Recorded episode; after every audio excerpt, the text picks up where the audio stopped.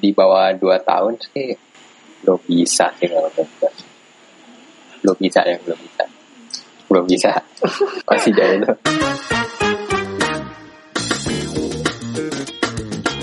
Oke, selamat bergabung teman-teman. Uh, gue nggak tahu mau sebut podcast kita apa. Sebenarnya kemarin udah jadi judul podcast Eci. Kemudian saya tuh bilang uh, podcast coba-coba. Yang pasti ya sama datang di podcast kita ya. Uh, ini ada arsitek-arsitek muda, ya. Kita mau ngobrolin masalah semua hiruk pikuk tentang arsitek lah ya. Tapi lo gak usah berharap kita terlalu serius atau teoritik teoritikal banget karena kita sebenarnya cuma sedang bersenang-senang di sini pengen ngobrolin uh, segala macam hal dari sudut pandang kita. Nah, tapi ini tadi sebenarnya Dwika sudah sempat ngomong tuh, eh tadi gue habis ngitung 150 juta, tapi sabar ya, gue jelasin dulu. Jadi berapa hari yang lalu? Apa itu?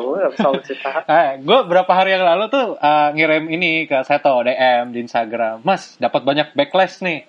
Itu ada seorang mahasiswa yang ini tiktokan ceritanya ada yang minta desainin sama dia. Terus tiba-tiba si, nih si anak ngomong, oh bisa bro, harga desain rumah 150 juta. Terus tiba-tiba dibilang, uh, desain doang 150 juta, udah, udah panjang lah, biasalah kalau arsitek, arsitek, desainer dibilangin, desain doang mahal banget, udah mulai itu. Biasanya ngamuk-ngamuk gak jelas ya. gue mau tanya dulu nih sama nih orang berdua, lo udah pada lihat kan yang pasti ya? Mungkin... gue udah lihat, udah ngitung. Ya. itu, apa dihitung sama dia? Gue sih jujur mau langsung, Bentar nih, rumah 150 juta. Wait, wait, wait, wait. Itu gedenya segede apa ya gitu. Nah, dia kan tadi udah ngitung. Lo, lo gimana? Gue ngitung sih tergantung rumahnya ya. Iya. Yeah. Itu rumah daerah mana dulu tuh? Iya, yeah, oke. Okay. Di mana lah coba Kalo kita? Hitung-hitung dengan dengan harga-harga normal sih itu sekitaran bangunan 500 300 500 meter persegi sih. Oke. Okay. Bentar, Lu kasih gambaran, kasih gambaran, yeah. kasih gambaran. 300 500 tuh segede apa kira-kira ya? Itu kayak lebih dari ya, 10 10 rumah tipe 36 kali oh, Satu blok, satu blok. Bayangin tuh. Satu blok rumah enggak? Iya kan? Kira-kira ya. Satu blok rumah sih segitu tuh. 300 ya. Ya kayak 10 rumah lah gitu ya. Ada 10 rumah satu row gitu ya.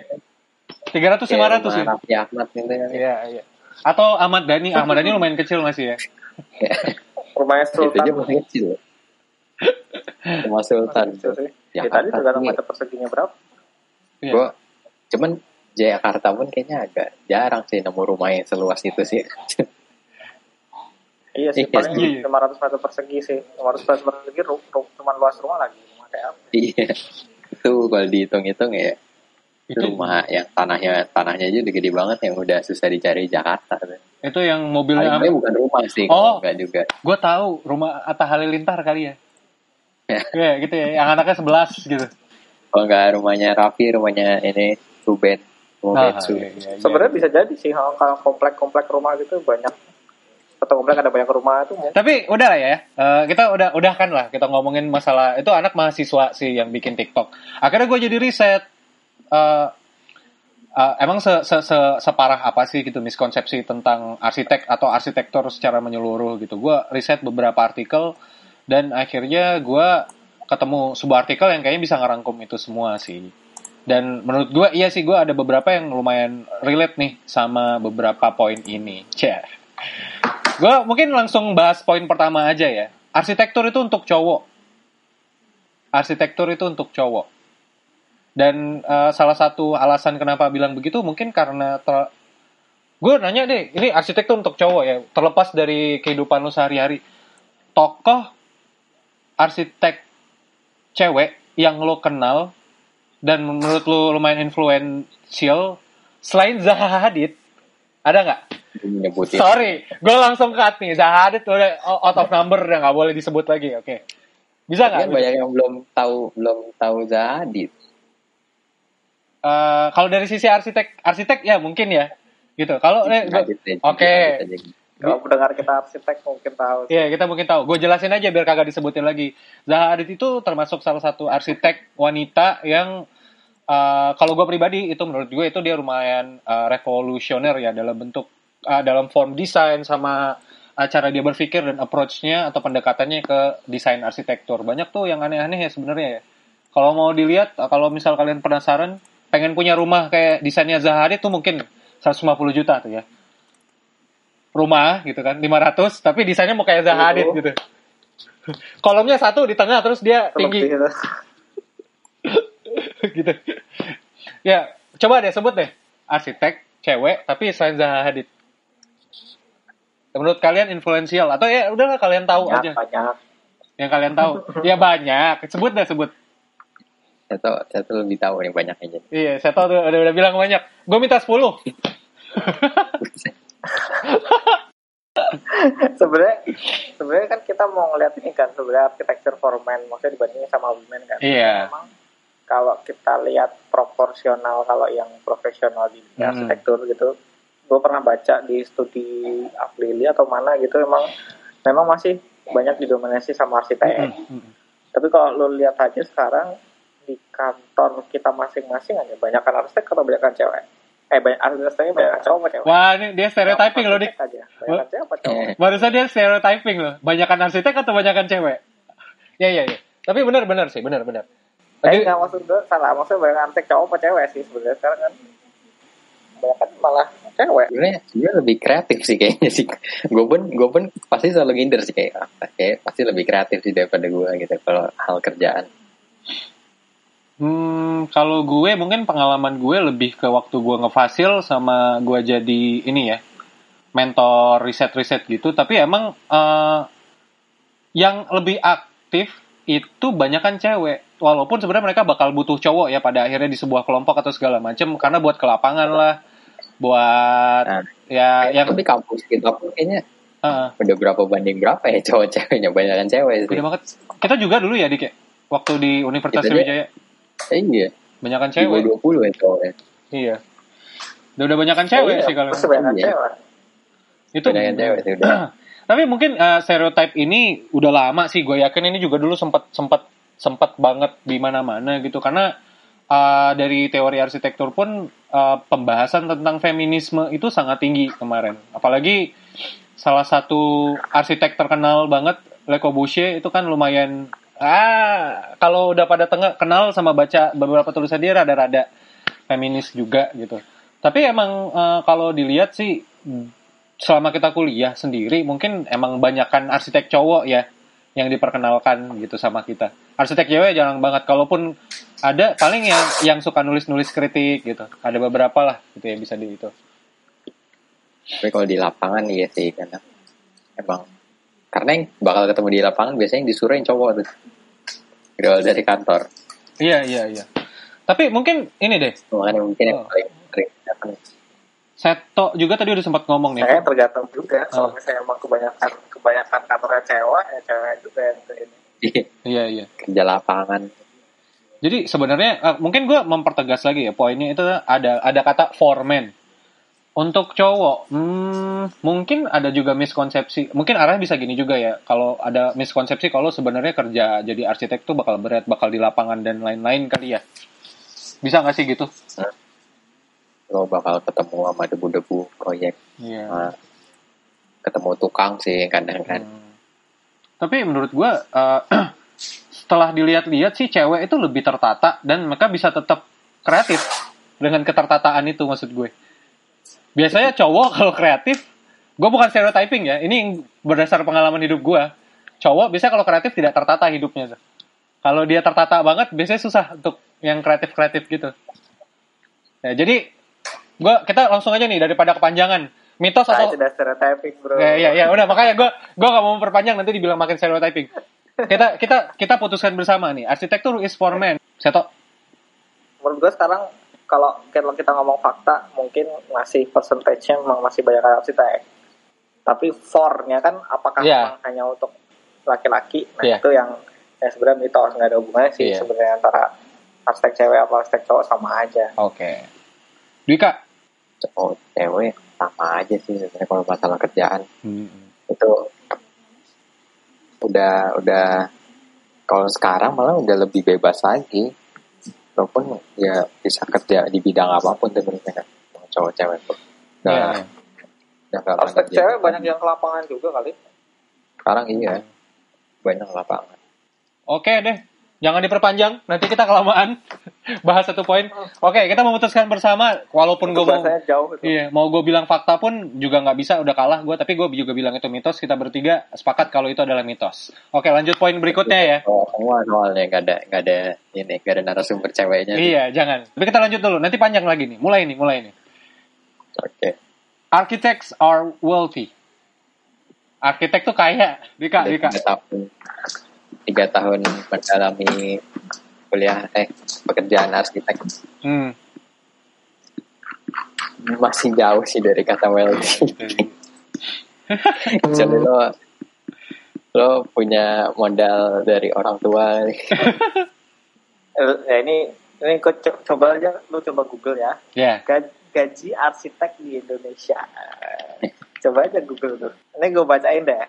Wow, rata-rata. Sebenarnya ada yang yang tulisannya gaji rata-rata Heeh. arsiteknya cuma 4,4. ya, 4,5 Tapi lah ada gitu. juga nya- Enggak, enggak. Ada juga nih website yang Oh, tulis, iya, iya. wow, gaji arsitek Iya, iya. bisa, bisa sampai 50 20 juta rupiah sebulan. Karyawan yang karyawan arsitek entry level Heeh. yang memiliki pengalaman kerja 1 hingga 2 tahun, umumnya bisa mendapatkan gaji hingga 7 juta rupiah. Coba kita lihat benar atau fakta. Iya, Wah, ayo. dua tahun sih belum bisa sih kalau. Belum bisa ya belum bisa belum bisa masih jauh tuh itu tuh udah sembilan udah tahap dapet, bro. senior udah menuju niat gitu tuh kayaknya Nah, oke yang Gua sembilan selanjutnya. tahun juga nggak dapet bro, Iya. 7 juta bro. Tuh. Oke. Tuh ya. berapa berapa tahun berapa tahun 9 tahun aja nggak dapat. itu Enggak, nggak dapet, nggak pernah. Tuh. Jadi tuh masa depan gue. Langsung gua patahin ya ini ya manajer dan direktur standar gaji bikin saya 15 sampai 50 nggak dapat. Bisa, cuma nggak tahu. Nggak tahu, kan. Cuma nggak tahu. Coba ya benar-benar. mesti nanya ke direktur kan orang yang mau Ya. direktur kan mungkin yang perusahaan gede masih mungkin Ka- Kalau direktur sih tapi ini ada ya. kata-kata bawahnya tuh Apa tuh? yang kata-kata bawahnya tuh salah satu contohnya adalah arsitektur ternama asal Bandung yang dikabarkan menetapkan harga jasa arsitekturnya senilai 300 juta rupiah Ya.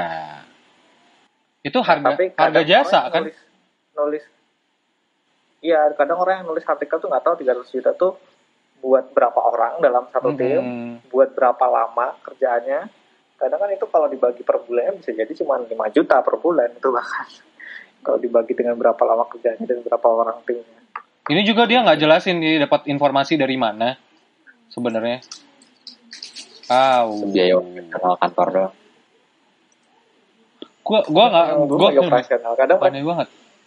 kadang orang orang kalau tahu fee arsitek segitu gedenya tapi mereka nggak nggak nggak ngeliatin nih sebenarnya itu buat berapa bulan buat biaya Mm-mm. kantor buat biaya orang nggak pernah dipikirin itu sebenarnya Pun pun pun freelance mau freelance pun sebenarnya nggak bisa semaruk itu juga nggak sih? Mau lu 100 eh, 100 ribu lah gitu per meter buat bikin bikin hotel. Pun itu kan masih harus dipecah-pecah lagi. Lu harus bayar orang struktur, lu harus bayar orang utilitas segala macam, gambar banyak. pasti kan banyak Iya. lagi. Pun, pun gua biasanya kalau ya, kita ya tau. kita agak ini sih agak agak takut sih kalau ngomong-ngomongin soal soal si arsitek gitu kan Hmm. sebenarnya kalau kita dari IAI-nya kan udah ada Standar. sebenarnya tapi itu tapi itu debatable banget sih Iya. Oh oke lah ya, sudah lah ya. Nanti kita kena kena panggil IAI gara-gara bikin podcast beginian. Eh udah kita gak usah bahas lah itu, gak usah ditentukan bahaya bahaya. Ya mitos lah kali ya kita belum. nggak gue pengen Ya saya tau. pengen lanjutin fakta aja nih kalau Iya. faktanya kalau kita ngeliat arsitek yang paling berhasil Hmm. itu kita bisa kayak Norman Foster gitu kan Ya. itu tuh dia tau nggak kantornya itu di kantornya di London rumahnya nggak di mana Di mana? Rumahnya di Swiss rumahnya dia tiap kali ke kantor dia pakai private jet Ya bisa mitos, bisa fakta. Kita kelihatan begitu. pas aja, kita tidak usah tentukan ini Pembahasannya mitos. bisa panjang sih itu Iya. Kita nanti saja. Ini bisa untuk podcast ke depan ya. Oke oke oke. Ini lanjut lanjut lanjut. Ini ini juga menurut gua ini sih. Uh, arsitek are James Bond cool. Wow. James Bond cool gimana ya kalau gue ngomong ya? Berarti ya keren banget lah gitu. Orang-orangnya cool gitu. Cool nggak? Arsitek Kayak cool. gara-gara itu sih kayak lulusannya keren sih Iya kan? cool banget emang tapi mungkin ya itu lagi sih oh, ini yang kemakan ini kemakan iklan Iya kemakan iklan. ya. Makan iklan. Gini kan kadang kalau sekarang kita ini kan kebanyakan project kan emang sama kebanyakan sama wealthy Hmm. wealthy client lah ya. Jadi kadang kalau ketemu proyek pun ya kita jadi ikutan ikutan ngikutin si klien kita yang emang udah wealthy wealthy itu. Jadi kelihatannya emang gitu ngikutin looksnya mereka yang emang udah udah yang sebenarnya wealthy Iya, iya. sebenarnya cool gitu loh. Jadi kayak ya mereka karena kan meeting meeting kan pasti ngajak di tempat yang agak-agak classy gitu. Hmm. Jadi kita pun kadang ngikut-ngikut juga kalau ngikut-ngikut stylenya mereka. Iya sih, ya. Jadi kelihatan kalau ini sama arsitek oh, keren-keren juga ya customnya. Ya, saya tau deh, cool. Cool gak sih lo? Lo cool gak sih? Pada saat sebenarnya eh, tergantung orangnya kayak gitu kan. Iya Wah, sih. juga nggak sih? Kayak ah. James Bond cool itu bingung juga sih. James Bond cool mungkin ya itu tadi ya. tadi lah. Ah. kan ada juga ada juga ini kan orang yang punya apa sih namanya mobil Ferrari gitu kan arsitek punya mobil Iya. Ferrari itu kan Iya, kurang iya. cool apa coba cool, cool. Keluar mobil aja udah cool banget itu. Aduh. Udah sih ini. gue mobil langsung cool Ferrari Ya bisa jadi sih, tapi mungkin juga karena Ya, makanya ter- Hah?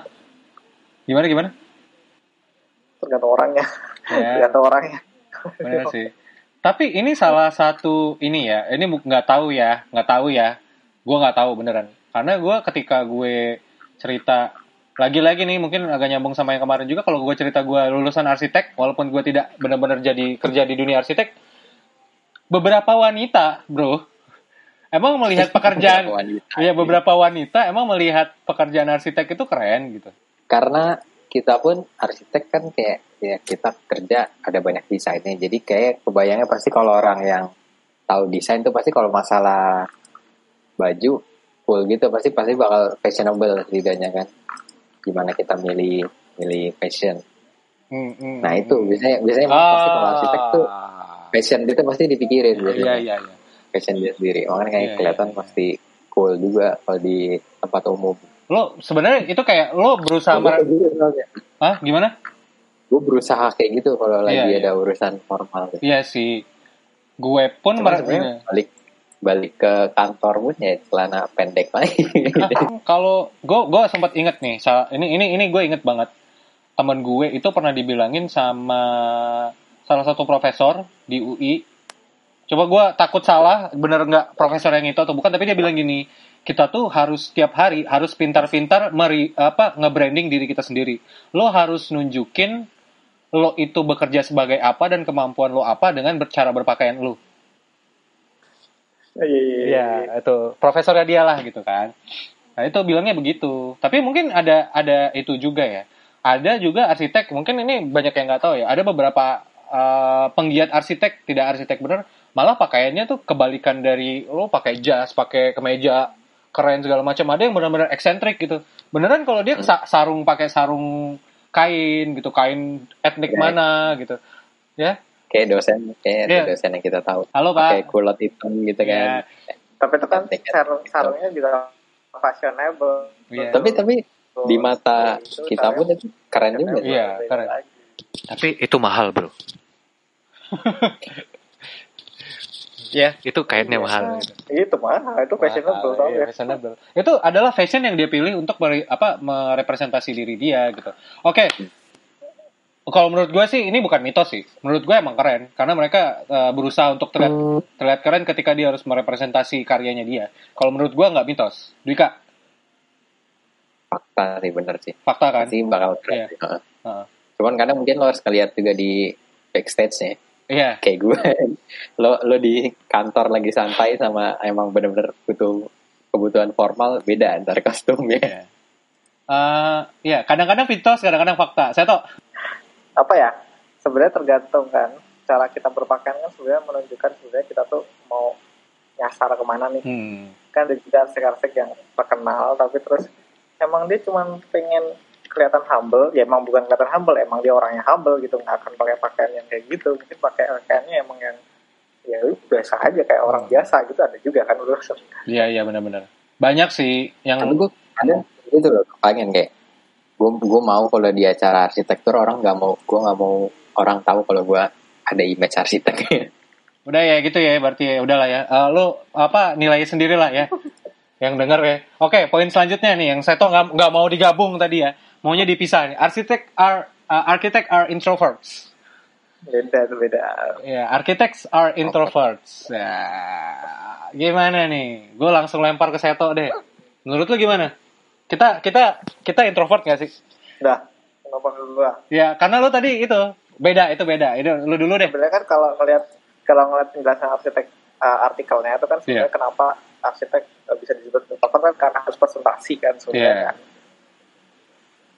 tapi sebenarnya kalau lu ngelihat lagi ke psikologi introvert dan extrovert tuh nggak ada hubungannya sama presentasi men Ya, benar. itu hubungannya sama inner thoughts jadi emang gimana cara dia mengolah pikiran emang tiap orang beda-beda nggak bisa Ya, disamain benar. Eh, masalah itu ya introvert extrovert ya. Sebenarnya kalau tadi benar yang saya bilang salah satunya hal yang lain adalah sebenarnya itu eh, dia nge-recharge energinya gimana gitu. Manusia itu kan makhluk sosial. Mau lo nggak mau. Hmm. ma- manusia itu makhluk sosial. Jadi bukan berarti eh, introvert itu tidak bisa bertemu sama manusia lain dia dia jadi tertutup sama manusia lain dan begitu pula sebaliknya gitu bukan berarti extrovert harus sendirian tapi bahkan em- introvert bukan berarti nggak bisa presentasi Iya, jadi emang keduanya uh, selain itu bagaimana cara dia mengolah pikiran, hal lain adalah gimana cara dia uh, nge-recharge dirinya sendiri buat uh, apa uh, terkait dengan dia sebagai makhluk sosial gitu.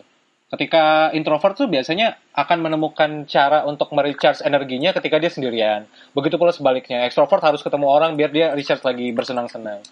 Kalau dari gue sih, um, kita ngomong ini deh. Kalau kita kalau kita tidak kembali ke artikel ya, kalau gue bilang em, nggak juga sih, masih banyak kok eh, arsitek yang menurut gue harus ketemu sama teman-teman biar dia bisa kembali eh, kembali bersemangat dan banyak juga teman-teman gue yang memang arsitek malah lebih suka mengolah ide bareng teman-teman gitu loh buat mendapatkan ide yang lebih kreatif. Kalau dari gue itu ya, menurut gue sih itu mitos. Ya, bahkan lo tuh kadang nggak terlalu nggak terlalu percaya lo sama labelisasi introvert dan extrovert gue pernah jujur nyobain tes tes itu kan hmm, hmm. gue pernah dapat introvert gue Iya. pernah dapat extrovert Eh, memang ha- harus disadari juga bahwa sebenarnya introvert ekstrovert itu tidak baku gitu. Lo tidak per, apa misal misal si Seto ngambil tes hari ini eh, belum tentu dia eh, tahun depan akan tetap sama dengan hasilnya yang itu gitu karena manusia itu kan belajar. Manusia itu akan menyesuaikan dirinya dengan ke lingkungan sekitar. Kalau dari gue ya pandangan gue. Jadi nggak kok nggak menurut gue ya itu mitos gitu. Dwika ya introvert deh. Gue introvert. ya gue juga introvert sih sebenarnya. Iya, Dwika. Nggak, tapi gue tergantung kapan kadang introvert nggak nggak ngaruh sih arsitek. Hmm. Mungkin karena kebanyakan kayak idenya tuh masalah idenya kali ya, masalah dia nemuin idenya tuh kadang. Karena kan kayak kebanyakan masih suka menyendiri dulu baru dapat ide. arsitek tuh. Oh. Iya. Kayak gitu mungkin ke sana orang kayak, kayak mungkin dia agak agak introvert. Tapi sebenarnya sih dia menyendiri emang cuman lagi butuh konsentrasi ini kali. Ya, berarti nggak bisa juga sih ini kita mau bilang dia mitos atau tidak karena emang ada teman-teman yang uh, introvert tadi juga uh, extrovert. Cuma kalau mau lu bilang semua itu arsitek pernyataan yang tidak tepat Iya. pernyataan yang tidak tepat tidak tepat. Jadi tapi kalau lu mau bilang semua arsitek itu pasti introvert itu tidak ya. Kalau gue ya menurut gue ya, ya nggak sih, ya kan? Setuju. Oke, selanjutnya kita move on to the next point ya. Arsitektur adalah pekerjaan yang glamorous. Waduh, Eh, kalau lo pun apa kalau lo kerja sebagai arsitek, ini mungkin ada hubungan sama wealthy juga ya. Eh, tapi Setuju gue nih, setuju. Mm, tapi tapi mungkin eh, bu arahnya lebih ke bagaimana cara lo bekerja gitu. Ya apa eh, ha- hari ke hari day to day life-nya juga. Lo mau gimana nih? Siapa mau duluan nih? Gu- Gue rada bingung juga sih ini mau ngomongnya. Gue gue gue Ya, satu. Eh, apa? Dika, Dika. Kalau menurut gue sih arsitek emang perlu perlu pengetahuan tentang hal-hal yang glamour sih. Hmm. Karena balik lagi kadang banyak klien kita pun yang glamor coy. Kadang itu yang bisa bisa jadi hal kita buat buat mulai percakapan yang deket sama klien sih. Kadang kan ya lo kayak mesti tahu berbagai merek jam yang mana sih jam yang bagus yang enggak terus lo bisa ngomongin mobil bisa ngomongin kan hobi-hobi yang agak berkelas kali ya. Kadang kayak gitu harus tahu kayak oh jadi kadang lu bisa tahu buat obrolan-obrolan. Mesti tahu hal yang glamor sih. Nggak bukan kehidupan arsitek yang glamor kalau menurut gue ini ya beberapa.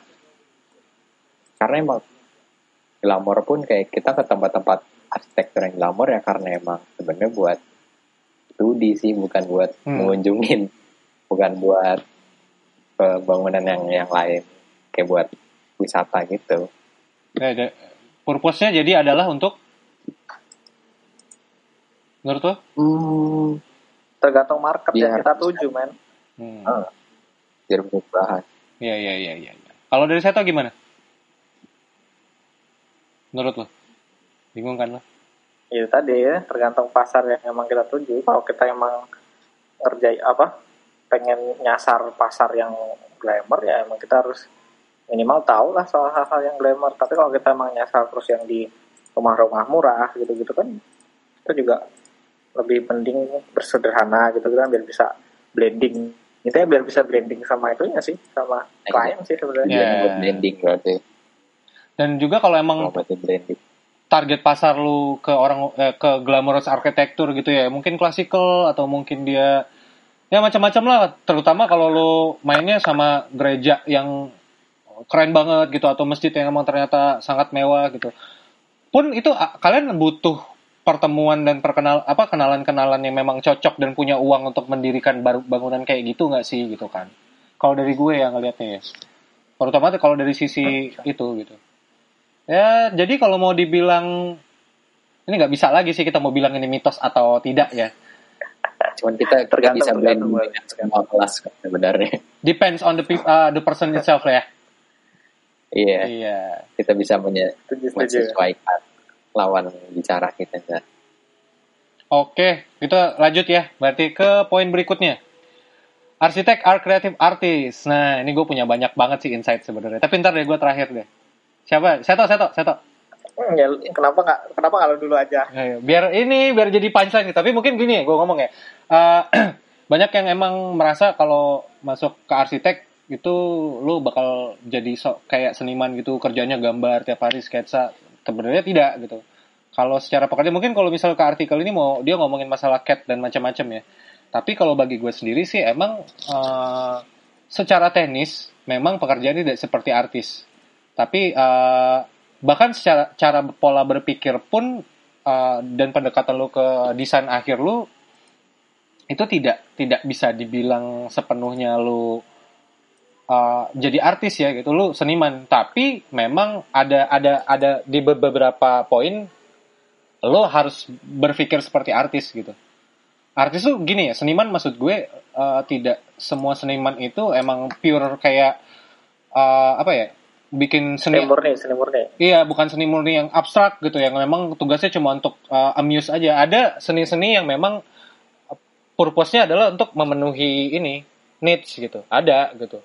Kayak mungkin nanti gue bah gue cerita sedikit juga karena profesi sebagai arsitek sendiri awalnya itu dari skulptor, uh, pemahat di eh, Eropa itu kebanyakan itu. Dan sebelum kalau mau balik lagi ke sebelumnya banyak lagi tuh ceritanya sebenarnya ya. Tapi kalau misal di Eropa sendiri eh, ada hubungan sama builder tapi mereka tuh berusaha untuk disamaratakan dengan skulptor. Jadi mereka tuh ngerasa kalau mereka sebenarnya fine arts gitu loh. Profesi yang mengarahnya ke fine arts tapi dalam bentuk bangunan. Jadi kayak builder gitu loh. Jadi tapi sepanjang zaman sih emang karena emang kebutuhan teknis juga makin tinggi dan kita tidak bisa lagi balik kayak po- podium-podium atau kolom-kolom kayak zaman dulu. Eh, kita makin lama harus makin teknis sih, terutama ketika eh, apa misalnya Shawshed ya pertama kali buka MIT kan ya arsitek yang tenis gue lupa. Tapi ada begitu si sekolah arsitek eh, teknis pertama itu buka akhirnya arsitek benar-benar dianggap sebagai pekerjaan yang teknis gitu. Nah kalau tadi siapa ya? Siapa mau duluan nih? Gua deh. Eh Duka. Kreatif. Ngaku lo kreatif artis. mesti kreatif sih. Kreatif artis. Seniman kreatif. Kreatif. Ayo lo. Kreatif kreatif engineering kali jadinya ya. iya Karena bisa kayak sebenarnya kita tuh ada di antara itu antara bidang kreatif yang mesti inovatif bikin bentuk-bentuknya baru sama kita masih mikirin segi engineeringnya gimana cara nge-buildnya itu sampai dia bisa jadi biar bisa masuk akal kan. Cuman kadang pun iya nggak sih arsitek tuh banyak yang udah visioner duluan loh kayak dia dalam rancangan dalam sketsa pun dia udah bikin sesuatu yang bahkan cara engineeringnya pun belum nyampe ke situ loh Hmm, hmm, hmm. kan banyak kan arsitek yang, yang udah bikin bukunya kan pasti lo tahu tuh siapa tuh kan Apa? Yang mana? Banyak loh. Ntar lo jangan nanya gue soal buku banyak banget sebenarnya. gue cuman keinget covernya doang kayak lo kayak ada bangunan terus kayak ada struktur yang pensil gitu loh pakai struktur tali gitu yang itu sampai dulu pun dia tuh udah udah bikin itu dulu walaupun engineeringnya belum ada Hmm. jadi mau bilang mesti kreatif sih itu ide dia visionernya dari situ mesti kreatif Gue jadi kepikiran lagi siapa tadi yang lo maksud ya? gue lupa siapa Hmm. sering-sering lah di website tuh Siapa sih? Liberskin eh bukan. Vitrovius maksud lo? Itu. Apa namanya turning torso? Vitrovius. Bukan. Hmm, gue nggak Ten Books on Architecture bukan? gue bukan Turning torso. Ini apa sih? Ngomongin apa? Buku ini yang Dika bilang tadi sebelum ada kurikulum. Eh kurikulum. Paul Bird, Pauli Bird. Bukan. Eh udahlah nanti lah, nanti kita bahas di berikutnya ya buku-buku yang bisa dibaca untuk memulai Ya udahlah. petualangan sejarah arsitektur. ya, Oke. Lah, ada lagi, Dik. Apa, Dik? Waduh, gede banget suara gua tadi lagi. jadi inti kreatif pasti sih. Ya, ya. pasti pasti kreatif sih Terus buat mikirin ide-ide baru yang buat mikirin ide baru emang kreatif tujuan kreatifnya itu sih Kalau dia sebagai kreatif artis, seniman, lo berani bilang nggak? That's. Dia adalah kreatif artis. Seniman nggak? Wah, Bisa sih wah nih lo, ini kita mampus banget sih sampai bilang ya. Kagak tahu sih gue. Kalau gue, gue tidak pernah bilang, tidak pernah bilang berani, tidak pernah berani bilang kalau kita bukan seniman, jujur. Kita tidak sisi seniman, gue nggak pernah berani. Tapi kalau kalau mau bilang arsitek itu adalah seniman, gue juga, gue tidak bisa bilang gitu. Tapi kalau gue kalau disuruh bilang arsitek Nggak- bukan seniman, pure seniman Iya. Arsitek bukan seniman, Nggak- tapi kalau mau nggak bilang yang pure a- seniman arsitek itu bukan seniman, gue nggak berani. Gitu loh. Ngerti nggak sih? Maksud nggak? Kayak gitu lah. Iya. Saya tahu. Tapi yang Nih, emang bahasa arsiteknya susah eh, banget profesi arsitek itu profesi yang lumayan menariknya karena hampir bisa masuk semua gitu memang. Hmm. Secara kreatif harus kreatif. Terus Hmm. secara artis sebenarnya banyak juga arsitek yang jadi artis kan, jadi seniman Le Corbusier coba seni-seni Iya. apa? Mereka Oh, painting-paintingnya banyak kayak apa itu juga dia bisa jadi artis, bisa jadi bisa jadi apa? arsitek, tapi arsitek Hmm. juga harus problem solver, harus ada seninya. Intinya harus harus komplit lah, manual skillnya komplit, ilmuannya juga komplit. Iya iya iya. Ini arsiteknya Iya. ilmu yang paling paling lengkap ya Harus lengkap sih. Jadi lo sebenarnya ada pendekatan, apalagi terutama pendekatan ke manusia ya. Lo sebenarnya kalau kalau gue sih gue percaya, gue percaya arsi, eh, kita sama manusia itu harus berempati sama si klien gitu loh. Bersimpati lah paling nggak kalau lo nggak bisa. Gitu. Karena lo ya butuh tahu. Itu juga sangat dekat dengan ini loh. Arsitek sangat dekat dengan seni loh sebenarnya entah kenapa. Karena nilai tenusitasnya itu nggak Iya sih. Iya, kayak kayak tadi yang Le Corbusier, terus yang Bauhaus itu kan kita selalu mendekati ke arah seni, seni juga sih. Om. Ya, sebelum Le Corbusier si Bauhaus sih emang ini ya. Dia uh, schoolnya itu schoolnya bukan teknis, Mas. Memang arahnya seni seni desko, dek bukan dekonstruksi ya.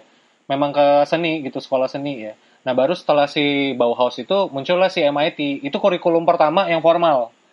Kurikulum perkuliahan formal pertama itu di MIT sebenarnya. Yang formal ya, formal ya. Dan teknik gitu dan teknik. Itulah makanya mulai berubah tuh sebenarnya. Ini kalau yang se- sejarah yang gue tahu ya, gue tahu kalau teman-teman ada yang punya insight lain, karena gue bukan dewa. Ya jadi uh, dia arsitek adalah seniman atau bukan? di tengah tengah-tengah lagi ya. Ini gua kita nggak bisa bilang iya atau tidak sih kalau 50-50 lah ya. Anjir. Arsitek harus tahu ini sih. Ya, harus harus bisa dua-duanya gitu ya. Heeh. Nah, ini poin berikutnya mungkin uh, mu- mulai masih banyak yang mengira kayak gini juga gitu. Tapi ya nggak bisa dibilang juga arsitek arsitek work alone. Arsitek tuh kerjanya sendirian. Hmm, nggak nggak bisa ya. nggak bisa. Masih zaman Iya. udah. Kayak kita bulat satu suara, Iya, udah nggak ada. ya. bulat satu suara. Tidak mungkin kerja sendirian. Hampir tidak mungkin sih menurut gue. eh ya bisa-bisa aja kalau mau dipaksain gitu. Bikin rumah mungkin masih mungkin ya kalau kerja sendirian. Karena emang eh, arsitek waktu kuliah dikasih ilmu-ilmu dasar tentang struktur sama utilitas juga. Masih mungkin. Tapi banyak yang memilih tidak untuk bekerja sendirian sih kalau menurut gue ya. Ada tukangnya bro. Iya. Oh iya iya iya kalau misal sampai ke pembangunan iya iya benar setuju gue. Ada Iya. mandor. Iya benar benar benar benar benar. Kalau sampai ke terbangun rumahnya iya setuju gue. Gue tadi mikirnya sampai gambar selesai aja gitu. Tapi benar-benar saya tau. Nggak mungkin kerja sendirian. Toh mungkin harus tahu juga ya salah satu arti nama dari arsitektur itu adalah arsitek ya, kepala tukang bangunan. Jadi sebenarnya lu, lu, lu ini dulu zaman dulu dianggap kepala tukang gitu. What is arsitektur Mas Seto? Kan ini dianggap ya, sebagai amator. Ya begitulah. Ya, gitu ya. Ya kita bulat sepakat tidak? Ya. Yes. Tidak. Baik itu secara desain doang pun Tidak. sebenarnya ya nggak bisa juga gitu. Nggak, Nih, oke kita lanjut poin selanjutnya aja ya, biar makin Lo cepat. nggak bisa kerja. Ya gimana? Nah, Udah kah masih ada Pak sambungan ternyata apa? Unek-uneknya boleh dikeluarkan? Ya, Yang- gimana gimana? nggak nggak bagus ya kalau kerja sendiri ya. Hmm. Mungkin lo kalau cara desain bisa kerja sendiri. Cuman walaupun mungkin tetap perlu orang lain buat ngasih saran terhadap desain lo sih kayak lo lo nggak bisa nganggap nganggap desain lo bagus dari satu arah doang lo Hmm. mesti tahu dari semua mungkin ternyata ada yang kurang bagus di mata orang lain kan karena kayak gitu tuh susahnya tuh kalau kerja sendiri yang kita anggap bagus belum tentu sebenarnya bagus belum lagi ntar belum cocok sama klien lagi Iya, iya, benar-benar. jadi debatin lagi Iya, iya, setuju gue. Nggak, bukan bukan setuju-setuju ya, gue benar-benar setuju ya, gue benar-benar setuju ya. Karena emang kayak terutama kalau misal kita lagi nyari inspirasi ya, udah stuck tuh udah kelar deh hidup lo. Baik secara teknik maupun secara itu ya eh, kreatif ya. Nah, saya tau mau ngomong tuh kalau udah deketin ke mic tuh udah bikin ngomong. kecuali lu bikin sendiri, Ah. terus habis itu buat lo sendiri, nukang Eh. sendiri, itu buat lo bisa sih itu. Bisa ya. itu kalau buat kebutuhan sendiri ya Ya mungkin sih kalau lo mau bangun rumah sendiri gitu ya, disemen sendiri, masang bata sendiri gitu ya. Oke oke baik. Nah, udah udah panjang panjang panjang kita Bikin lanjut. kabin, bikin kabin. Udah udah udah panjang panjang panjang. Lanjut lanjut ya lanjut ya. Eh, arsitek bisa mendapatkan material untukmu. Arsitek can get you the materials. Eh, Material. Material apa? Broker gitu. di- Jadi ya, dia bisa nyariin lu bahan yang lu butuhkan. Yang bakal cocok buat desainnya. Hmm. Ini tricky Asik juga sih. Ya kita kita cuma bisa mengusulkan sih sebenarnya Iya. sih, tapi tetap aja kalau pengen beli ya harus ke toko bangunan, harus ke material, harus ke supplier. Iya. Eh.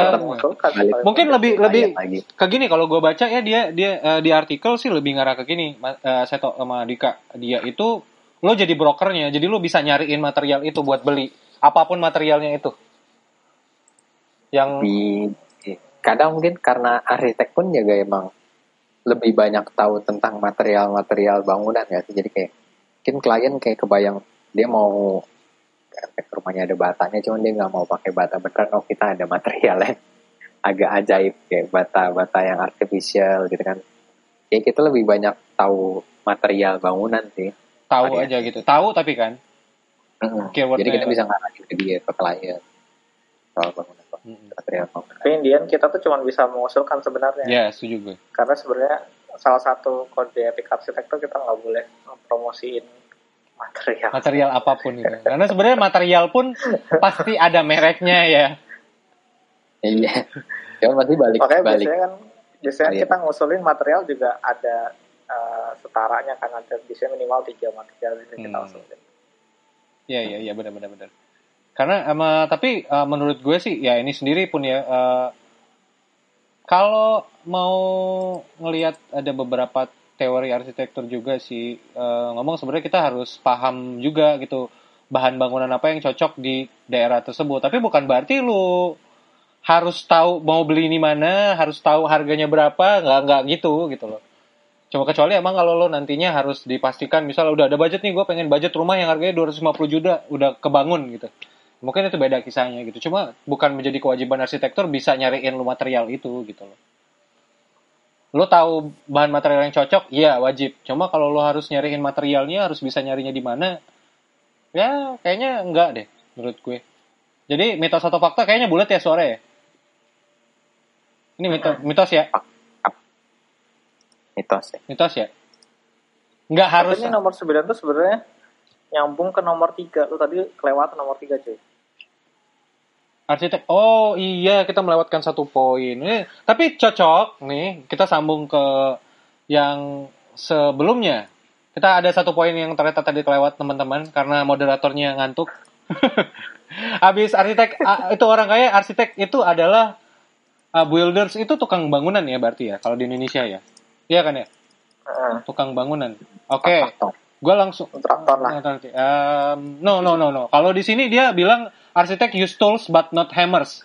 Jadi arah buildersnya itu ya emang Oh, lu lu nuk- lu lu nukang. Kalau kontraktor ya bisa aja ada arsitek yang langsung punya kontraktor sendiri juga sebenarnya dia juga termasuk kontraktor gitu. Kalau tukang bangunan ya kalau seja, secara sejarah sih kalau zaman dulu banget itu zaman dulu banget ya awal, awal profesi kita terbangun dia emang harus sempat jadi itu tukang bangunan agar dia bisa ngerti bangunannya gimana. At least dia ini punya pengetahuan atau pengalaman di bangun membangun. In hand. Bahkan sebenarnya kalau kita lihat beberapa praktek di yang kontemporer juga masih ada kok yang si arsiteknya langsung ngebangun sendiri. Ya kayak tadi mungkin dia emang punya kontraktornya sendiri. Hmm. Kalau Dwi, Dwika, Dwika gimana menurut lo? Bulat lagi nih kayaknya ya. Sebenarnya harus dibedain sih antara Iya. arsitek sama si pembangun bangunannya ini. Mm-mm. Karena emang skopnya arsitek itu sebatas perencanaan sih. Ya. Karena sampai gambar gambar kerja buat bikin bangunannya. Dan the Mm-mm. nextnya dilanjutin sama pihak ini. Pihak yang memang gedean dong, suara lu gedean dong. Lemes banget kayak Tapi- mau makan. Nah, gitu. Kontraktor pun arsitek pun bisa jadi kontraktor maksudnya bisa lulusnya pun bisa lanjut jadi profesi kontraktor mungkin kalau emang dia lebih senang yang lebih senang bangunnya daripada ngerancangnya bisa juga Iya, iya. iya. Eh, tapi mesti dipisahin itu skop pekerjaannya Hmm. antara yang ngerancang sama yang ngebangun job desk-nya kali ya.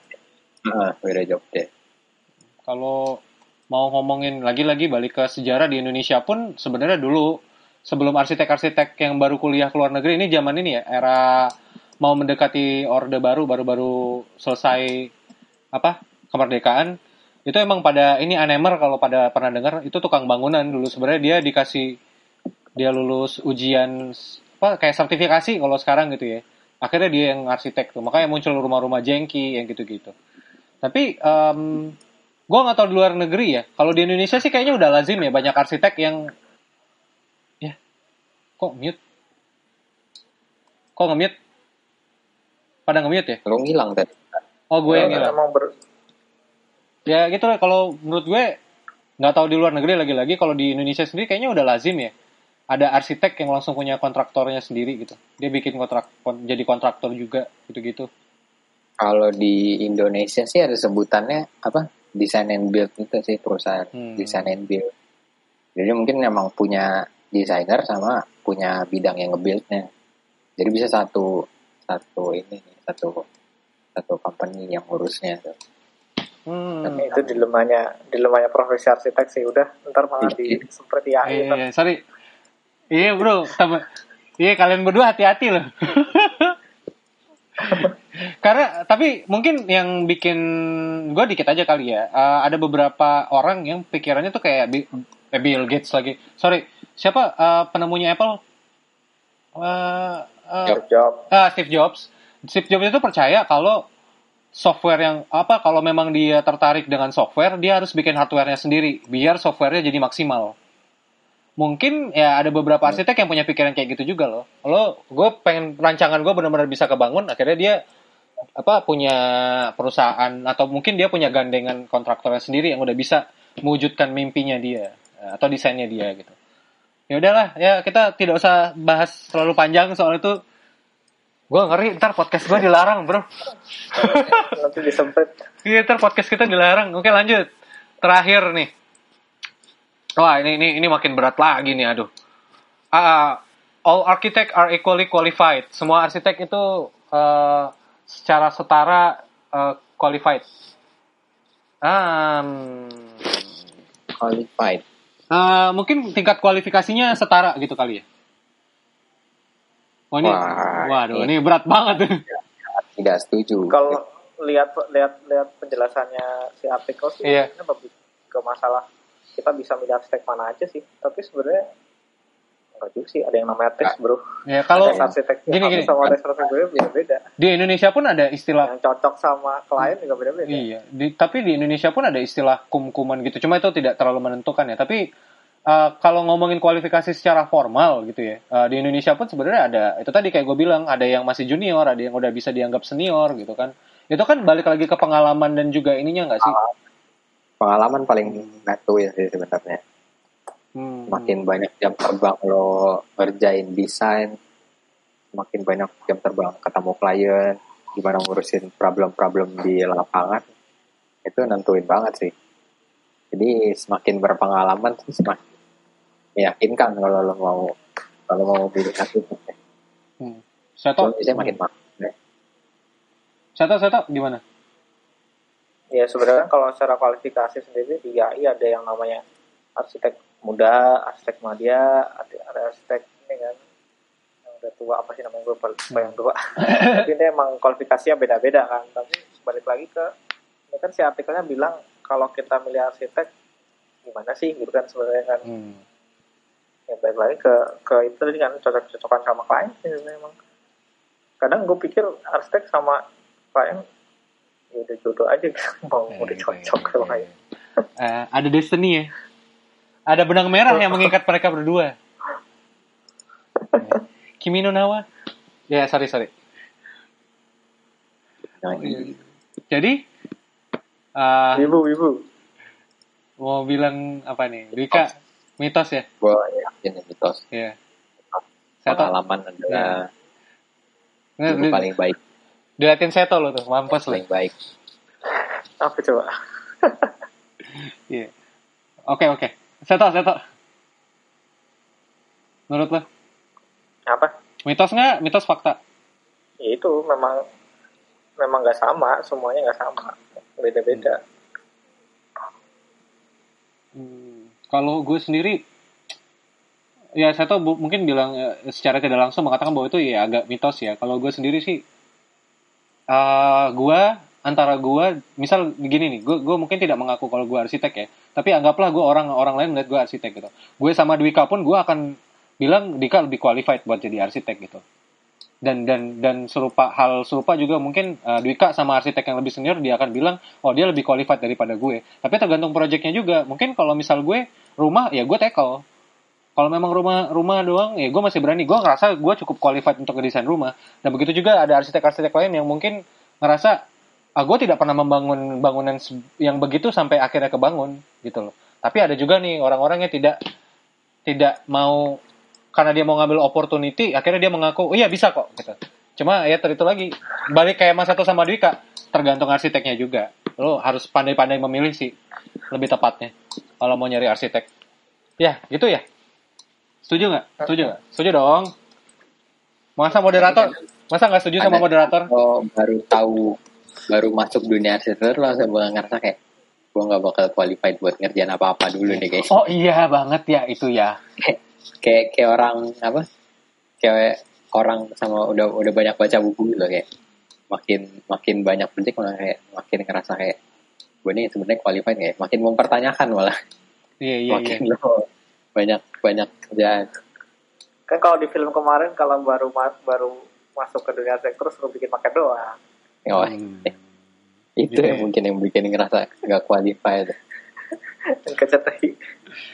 Tapi as, yang penting jangan uh, marketnya bikin desain baru aja sih kalau kata gue ya. Kagak benar. jangan eh udah dong. Eh lu ntar itu mungkin dia belum Baru masuk. udah- belum merasa qualified itu dia udah merasa qualified itu ntar iya udah udah ngerasa qualified buat ganti Udah, udah, udah. udah kasihan kasihan kasihan filmnya udah woi. Ah, ya udah.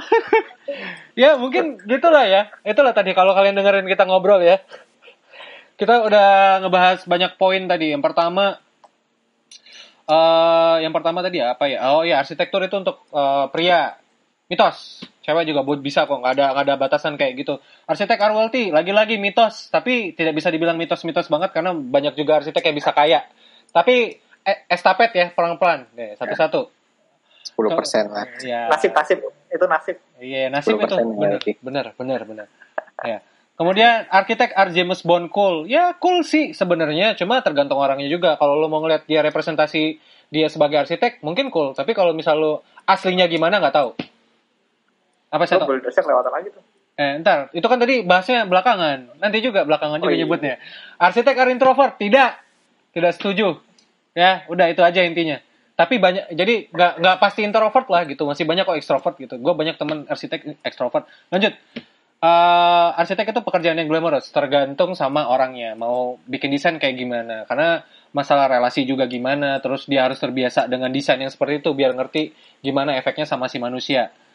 Um, kemudian arsitek adalah pekerja uh, seni kreatif. Hmm, bisa dibilang iya, bisa dibilang tidak, tapi lebih arah tidak karena sebenarnya lo uh, butuh ke apa kemampuan teknis yang memang harus memastikan bahwa bangunan itu sebenarnya bisa dibangun gitu, desainnya bisa dibangun. Tapi tetap harus kreatif gitu. Cuma kalau pure seniman mungkin tidak.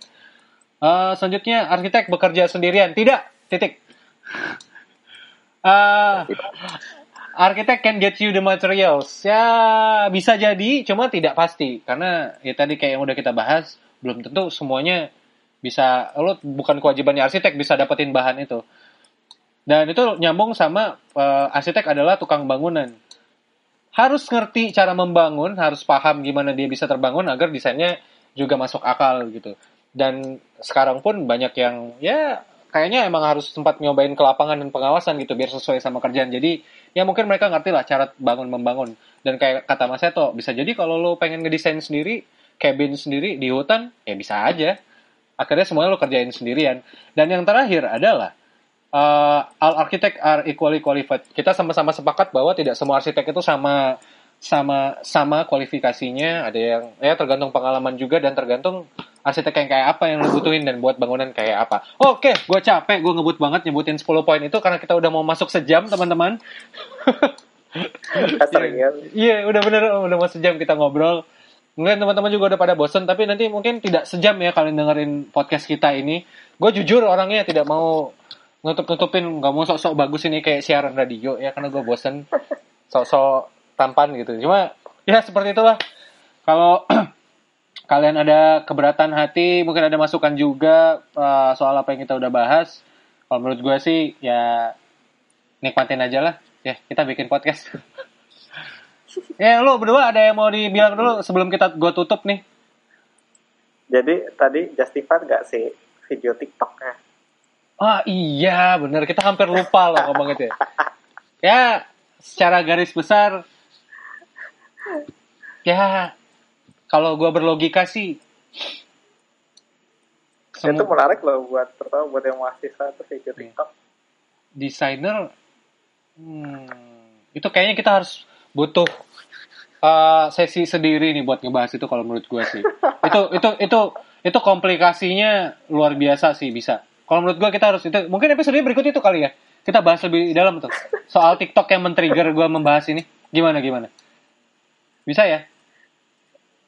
Eh, gue boleh boleh. Tapi sebenarnya itu ah, itu pembahasannya menariknya lebih ke ini.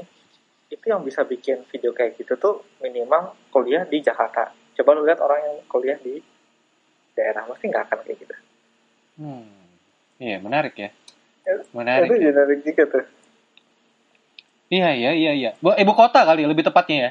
Jakarta kan. ibu kota Iya, selain ibu kota kayaknya tidak seperti itu gitu ya. Hmm. Oke oke oke oke itu itu itu itu mau dibahas sekarang atau mau nanti? Kayak kalau kata gue sih nanti deh. Kita simpan tuh buat sesi selanjutnya kali ya. Maaf kita makin ngablu makin ngablu makin malam udah ngantuk juga tapi ya nikmatin aja karena gini lah kalau arsitek coba-coba bikin podcast. Ya cie, masih arsitek ya.